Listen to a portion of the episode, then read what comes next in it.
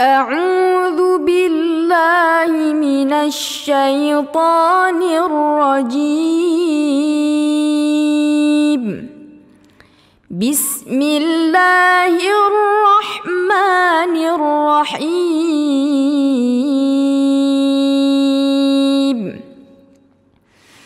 الحمد لله رب العالمين.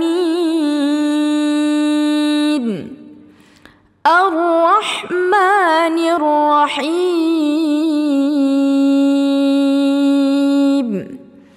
مالك يوم الدين. إياك نعبد وإياك نستعين. اهدنا الصراط المستقيم.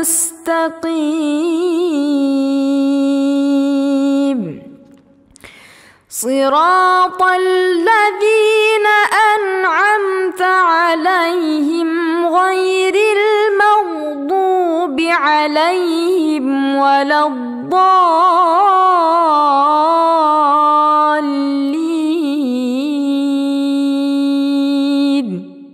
صدق الله العظيم.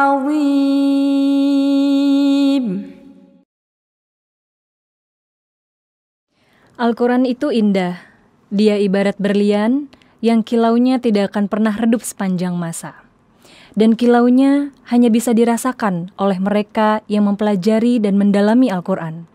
Maka berbanggalah pada mereka yang mempelajari dan juga mengamalkan Al-Quran, karena Al-Quran kelak akan memberikan kita syafaat di yaumil kiamah nanti.